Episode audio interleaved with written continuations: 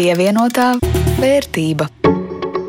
Sveicināti! Jauns nedēļas sākums un arī iespēja radīt jaunu pievienoto vērtību. Ar jums kopā Jānis Rāmāns no Latvijas Radio un Rudīts Pakausks no Latvijas televīzijas.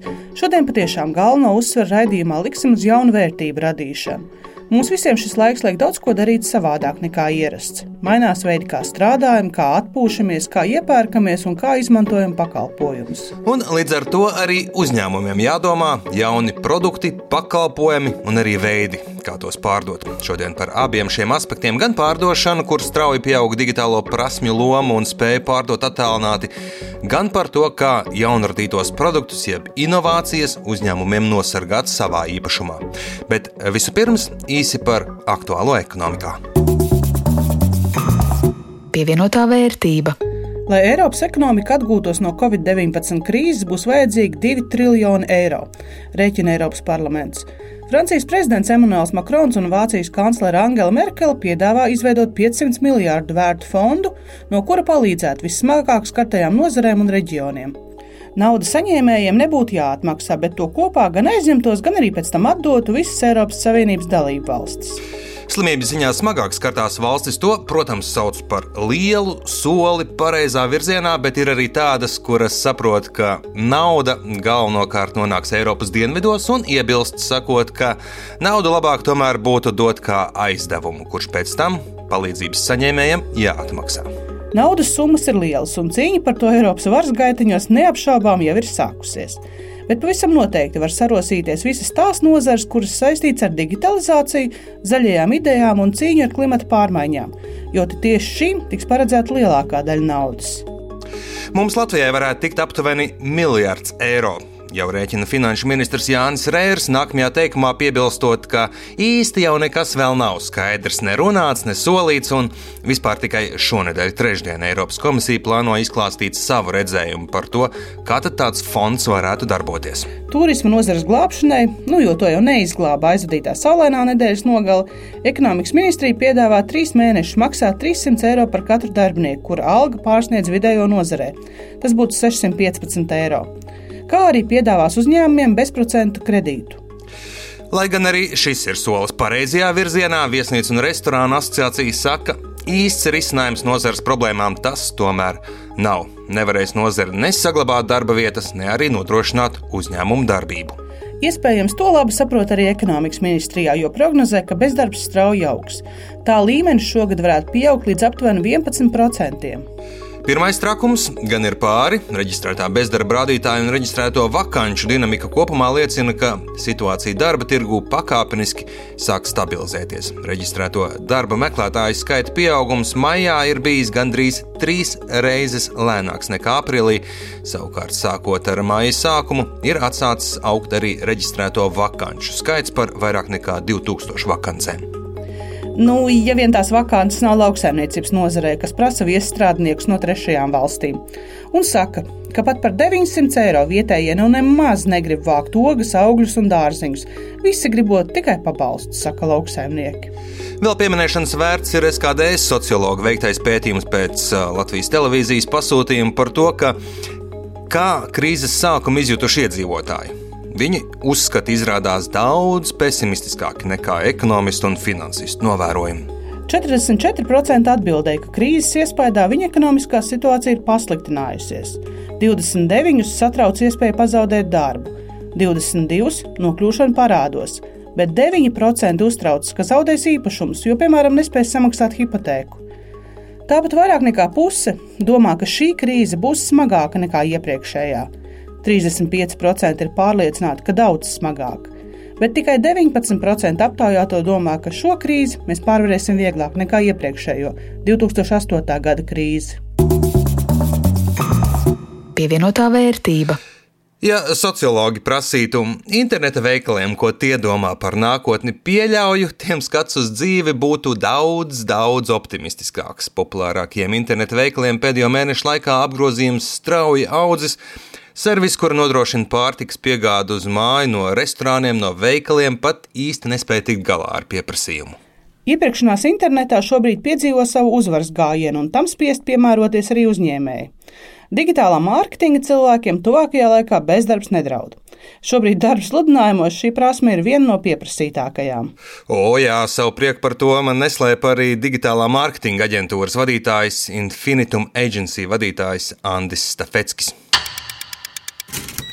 Man liekas, ka šis ir tieši tāds digitalizācijas uzvaras gājiens, jo man liekas, ka liela daļa uzņēmumu vēl tā vai nu nezināšanas pēc, vai nu, kaut kā citu iemeslu vadīti, domāju, ka viņi šo lēmumu pāriet uz online vidi atlika vēl par gadu, diviem.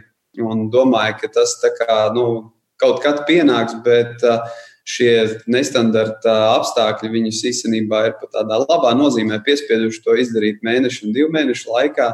Es domāju, ka arī mārketingam un tieši digitālajiem mārketingam šis būs tāds uzvaras gājiens. Ne gluži es varbūt šobrīd domāju tieši aprīlis, un maijs un jūnijas, kad uh, būs nenormālā izaugsme, bet uh, manuprāt, tieši šis uh, gan konservatīvais patērētājs, kurš ļoti bieži ir domājis, ka viņš iegādāsies preces tikai uh, klātienē veikalā, uh, kļūs pielaidīgāks pret to, ka online vide ir piemērota, lai dažādus pakalpojumus iegādātos, kā mums te statistikas dati pierāda. Un tāpat laikā man liekas, ka beidzot arī šis uzņēmējs spēs novērtēt to izbūvēto infrastruktūru, kas sākas arī ar šīm visām maksājuma sistēmām, mājaslapām, piegādēm. Un, līdz ar to būšu atklāts, es par to esmu tikai priecīgs. Mums ir paveicies, ka digitālajai dzīvē mēs kā valsts esam diezgan labi gatavi. Mums ir viens no labākajiem, ātrākajiem un arī pieejamākajiem internetiem pasaulē, un arī e-pakalpojumu jomā esam priekšā daudziem. 80% iedzīvotāji izmanto internetbanku, tātad prot arī internetā samaksāt. Tātad, kā jau eksperts minēja, iespējas, infrastruktūra ir, bet ja palūkojamies no citu skatu punktu, cik aktīvi internetā ir mūsu Uzņēmēji mm, tur pavērs bēdīgāk ainu šo iespēju pārdot savus preces internetā, izmanto tikai nepilni 14% uzņēmēju, un kā šonadēļ Bankas Luminora webinārā par e-komerciju sacīja Latvijas Informācijas un komunikācijas tehnoloģiju asociācijas vadītāja Signe Bāliņa, tas ir satraucoši maz. Viņu veiktās uzņēmēja aptaujas liecina, ka lai gan vairums atzīst, ka moderni sakot, digitālā transformācija ir svarīga, viņi tomēr no tās baidās un uzskata par dārgu prieku. Faktiski, ja mēs skatāmies par tiem šķēršļiem, tad ļoti bieži parasti klasiski, ko saka pirmais šķērslis, un arī ko nodara asociācijas, teica finanses. Ja? Bet īstenībā tas varbūt ir mīts, ka tas viss ir ļoti dārgi un ļoti sarežģīti. Ja? Ir kā otrs iemesls, kāpēc, nu, kāpēc nē, otrs galvenais iemesls bija tieši tas, ka trūkst šīs zināšanas, trūkst zināšanas par iespējām, un ir, tātad, uh, un tā kā ir šis apjukums, nu, kā, ko labāk izmantot, kādas ir tās iespējas, ko es gribēju. Nereti varbūt uzņēmumi pat nezina, ko viņi var gribēt. Ja? Un, ja es nezinu, ko es gribu, tad es nevaru izdarīt. Piebildīšu, ka arī Eiropas komisija nesen savā ziņojumā iebakstīja Latvijai tieši šajā lauciņā, sakot, jums viss ir, lai jūs būtu digitāli veiksminieki, bet īsti to neizmantojat. Iespējams, pietrūkst zināšanu, kā to darīt. Bāliņa iesaka visiem tiem, kas domā par savu uzņēmumu e-komercijas attīstību, ielūkoties gudra Latvija.CLV. Tur var atrast gan padomus, gan biežākās kļūdas, ko uzņēmēji pieļauj, kā arī novērtēt savas digitālās prasmes un gatavību speciālā e-komercijas testā. Lai pirmie soļi e-komercijā būtu veiksmīgi, ir svarīgi morāli nobriest un apzināties paveicamā darba apjomu. Tā savukārt saka Gatis Veikšanas uzņēmuma Born Digital vadītājs. Viņš nodarbojas ar e-veikalu izveidi saviem klientiem, un bieži uzņēmēji domā, ka ar e-veikalu izveidi arī viss ir galā. Bet tā ir tipiskākā kļūda, jo e-veikals ir tikai tāds instruments. Jo, tas instruments, tas āmurs, sauksim to tā, ir gatavs, jā, tad ir jāsāk būvēt to māju, Un, nu, ir skaidrs, ka tās mājas būvēšana pēc tam ir daudz apjomīgāks darbs nekā tā āmuru izveidošana. Jā. Tas ir tātad, eh, gan viss mārketings, kas pēc tam seko, eh, pat patiesībā pat jau eh, satura ievada.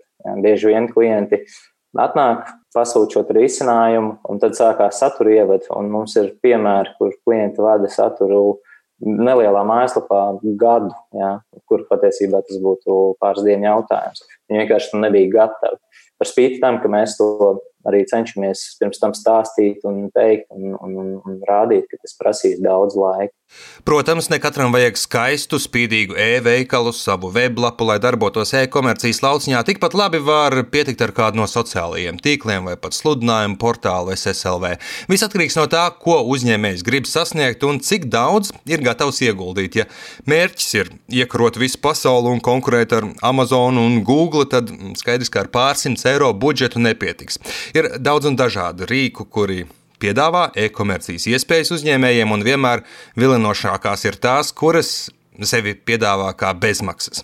Te gan lieta dara atgādinājums par bezmaksas sieru peļu slazdā, ko var, protams, izmantot gudri, bet eh, nezinot, kā pareizi to sieru paņemt, var sanākt sāpīga pieredze. Šīs bezmaksas platformas eh, vienmēr ir ļoti vilinošas ar to, protams, ka viņas ir bez maksas, Nu, viņas arī tā tiek pozicionētas, ka viņas ir paredzētas tieši uzņēmējiem, tieši, bet nu, vienmēr tas, ko es arī parasti redzu no klientiem, kas no tādām platformām pie mums pēc tam atnāk, ir tas, ka uh, viņi ir iztērējuši ļoti daudz laika, nu, kas noteikti arī ir uh, mērāms kaut kādā zināmā mērā finansēs. Tas noteikti tas nozīmē, ka tas kaut ko jau maksā. Otrs, tas, ko varbūt uh, bieži vien daudzi nemēra pēc tam vai neskatās, cik daudz laika tam būs jāpatērē, lai atgūtu kaut kādu atbilstošu um, tēlu, ko viņi varbūt pazaudē, izvēloties kaut kādu bezmaksas, nekvalitatīvāku risinājumu vai, vai, vai neprofesionāli to saliekot kopā. Nu, cik daudz pazaudē šo, pēc tam atkal ir jāiegūst, lai atgūtu vai, vai nospodrinātu to zīmolu. Protams, arī tas, ka, ja to risinājumu neprofesionāli saliec, nezinot un mācoties paralēli tam, nu, tas vienmēr būs kaut kāda izdevuma kaut vai tādā veidā, ka jūs tērējat uz reklāmu, Iespējams, ja tas risinājums tiek izveidots kvalitatīvs, atbilstošs, ērti lietojams, pārskatāms, ātrs un tā tālāk, salīdzinoši varbūt ar jūsu pašu veidoto, nu, tad jūs no tā viena reklāmas klikšķi iegūsiet vairāk nekā pretējā gadījumā. Tā kā tie risinājumi ir ļoti daudz un dažādi, bet, nu jā, nevienmēr bezmaksas būs bezmaksas. Vēl viens lamatas vēlme izskatīties ļoti, ļoti skaistam, atšķirīgam, unikālam, ar šo mēdz pāršaut pār strīpu un varbūt Viss tiešām izskatās neredzēti skaisti, inovatīvi, bet ne vienmēr šāds izskaistināts e-veikals spēj pārdot. Ir tā, ka nu, tas, ka dizains pārdod, manuprāt, jau vairs nav pat jautājums, un tur nav diskusija, ka tas tā ir. Dizains gan īsti e-vidē Nu, tas, uz, tas jau iet jau ilgus gadus uz to, un šobrīd es varētu to tādu droši teikt. Tas nenozīmē, ka tev ir jāmēģina radīt kaut ko unikālu, lai ar dizainu pārdot. Drīzāk tam dizainam ir jābūt tādam, kas parāda to, ka tu, nu, ka tu esi ērti lietojams, ka tu esi ātri lietojams, ka tu vari ātri atrast to informāciju, ko tu meklē. Nu, tātad tas dizains ir teiksim, tāda pareiza sakārtošana. Uh, ir daudz gatavas eh, tēmas, un ko bieži vien klienti arī eh, pieļauj tās kļūdas, ka viņi paņem šīs gatavās tēmas, saliek tur iekšā saturu, bet beigās klientam ienākot, nu, tur, tur ir tāds cirks, ka tur nevar saprast, kur, kur tad ir jāiet, ko ir jālasa, ko tu man ar to gribi pateikt. Uh, nu, tas viss ir tik samudžināts, ka tas dizains, viņš varbūt izskatās smuki, ja, tā vienkārši izsakoties, bet no tādas lietojamības un, un, un pārdošanas viedokļa viņš varbūt īstenībā nestrādā līdz galam. Nemazāk svarīgi aspekti, iesākot pirmos soļus e-komercijā, ir padomāt par to, kā prece vai pakalpojums tiks klientam piegādāts un kā tas par to norēķināsies. Kā atzīst speciālisti, aizvien sliktāk darbojas vecais labais rēķinu nosūtīšanas veids, jo posmā starp pasūtījumu internetā, rēķinu nosūtīšanu klientam uz e-pastu un tad tas gaida, kad klients to apmaksās. Šajā laikā pazūd visai daudz darījumu. Līdz ar to strauji arī Latvijā ir pieaudzis pieprasījums pēc tā teikt pērts un samaksā uzreiz vienvietu risinājumiem. Ja agrāk tas uzņēmējiem prasītu teju visu banku apciemošanu, kontu atvēršanu tajās, lai šāda iespēja klientam sarūpētu, tad tagad jau teju ik viena banka piedāvā savus universālus risinājumus, ko ir vērts papētīt. Piemēram, pielāgojoties pieprasījumam un tam, ka darījumiem, piemēram, sociālajos tīklos, Facebook, Twitter, TikTok vai pat tajā pašā SSLV, nu nekādi šobrīd nevar pievienot maksājumu iespējas. Luminora banka ir radījusi risinājumu. Uzņēmējs var tikt pie sava maksājuma portāla internetā, uz kura ar vienkāršu linku nosūta savu klientu, kur arī tas tūlīt pat var rēķinu apmaksāt stāsta bankas e-komercijas un karšu risinājumu vadītājs Viktors Saulītis. Līdz šim ir bijusi tā pieredze, ka klienti sakomunicē, saprot, kas ir jāpasūta, un tad mēģina sagatavot šo rēķinu kādā no Exceliem vai Word dokumentiem un nosūta. Bet mēs esam gājuši drusku soli tālāk, un, teiksim, ja šim te klientam ir šāda veida tirdzniecība, jā, mēs varam iedot tirgotāju portālu, kas ir reāls pakalpojums e-komercijas savienojuma sastāvā, un tad no šī portāla šis pārdevējs var izsūtīt rēķinu jau uz e-pastu un rēķinā kaut vai paprasīt, lūdzu, norādi piegādes adresi vai, vai vēl kādu citu būtisku informāciju, kas ir būtiska šim, šim pakalpojumu sniegšanai vai, vai preces piegādē. Protams, šāds risinājums nebūs gluži bezmaksas, un kāda procenta no darījuma summas nāksies atstāt bankai. Un jā, arī sociālajie tīkli sāk saprast, ka šajā laikā un arī turpmāk tie būs interesanti e-komercijai ne tikai lai tajā reklamētu sevi un komunicētu ar klientiem, bet arī lai reāli pārdotu preces. Tā Facebook šodien paziņoja, ka sāk piedāvāt Facebook veikalu izveidi. Pagaidām, ka tas ir tikai ASV pieejams, bet nešaubos, agrāk vai vēl tas atnāks arī pie mums un parādīsies arī citos sociālajos tīklos, vienā vai otrā formā, un varbūt nākotnē rudīt mēs ne tikai čivināsim Twitterī, bet arī pirksim tur maizi, pienu un varbūt pat gudrās zeķes. Klau, kas ir gudrās zeķes? Vai tās man sūtīs paziņojumu, ja otra mistiski būs pazudus veļas mašīnā? Tas būtu lieliski, vai ne? Bet uh, ir tādas, kuras, piemēram, ne tikai māca atrast savu pārniedzi, bet arī skaita nostaigātos attālumus, patērētās kalorijas un vēl spēj novērtēt, vai tava skriešanas, iešanas tehnika ir uh, īstā un pareizā pievienotā vērtība. Nu, ne gluži par gudrajām zeķēm, bet par nākotni un inovācijām tika spriest arī Latvijas patentu valdes simtsgadu jubilejai veltītajā starptautiskajā konferencē. Ar šim laikam visai zīmīgu nosaukumu - Intelektuālais īpašums - vīzija bez ilūzijām. Daudz tiek runāts par to, ka veiksmīgas valsts nākotne ir balstīta zināšanās, inovatīvās idejās, produktos ar augstu pievienoto vērtību. Bet tam ir maz jēgas, ja katrs šo ideju, produktu var piesavināties sev. Ilustrācijai man tāds piezīmētāks stāsts no paziņas, kurš um, izmēģināja spēkus kokdarbos, darot dažādus interesantus suvenīrus, rotaļlietas, amatnieku tirdziņiem. Sākumā viņš ar to bija dikti, dikti aizrāvies un domāja interesantus dizainus, risinājumus. Ātri vien saprata, ka uh, viņa jaunradītais mazuļu grabulis unikāls ir patiesībā tikai vienā tirdziņā. Nākamajā Redzot, ka tos pērk tādus jau ir sataisījuši arī vispārējie konkurenti, bet pēc gada tāds jau kā rūpnieciski saražots un atrodams lielveikala plauktā. Iespējams, ja savu radošo dizainu tavs paziņu būtu aizsargājis ar patentu, viņš sevi no šāda sev visai nelabvēlīga scenārija būtu pasargājis.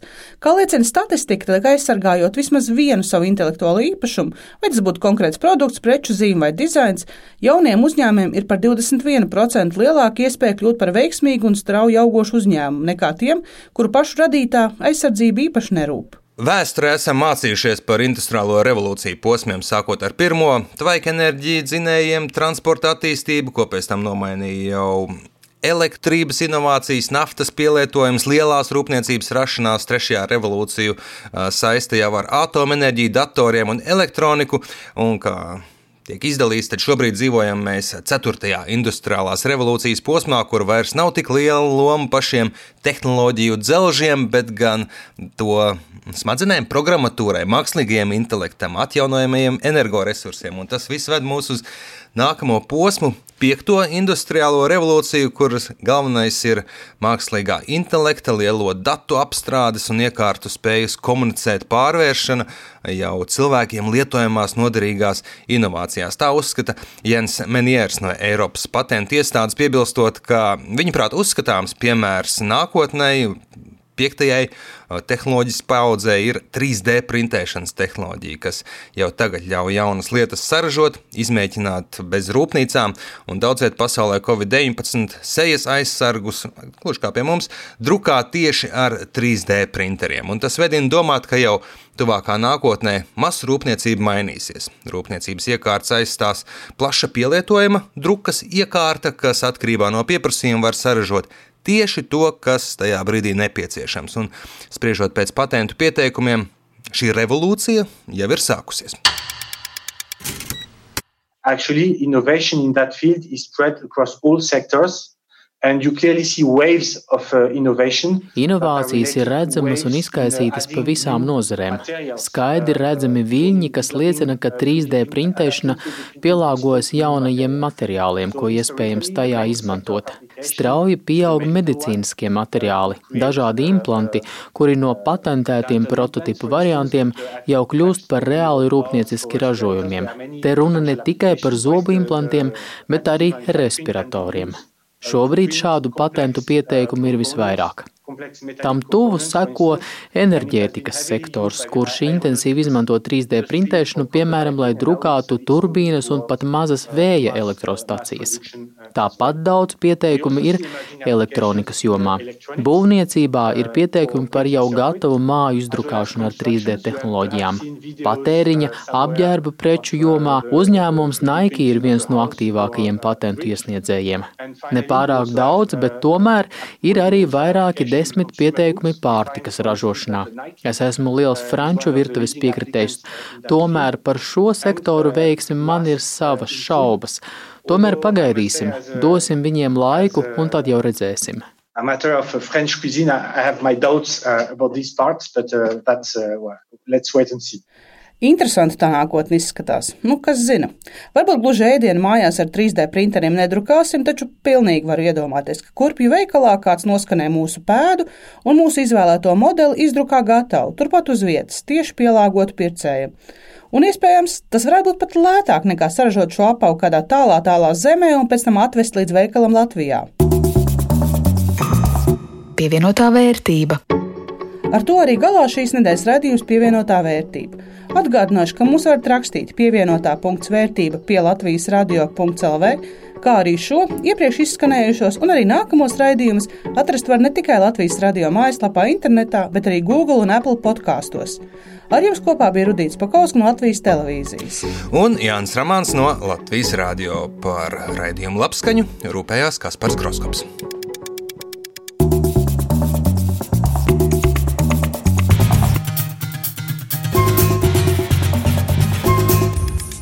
Pievienotā vērtība.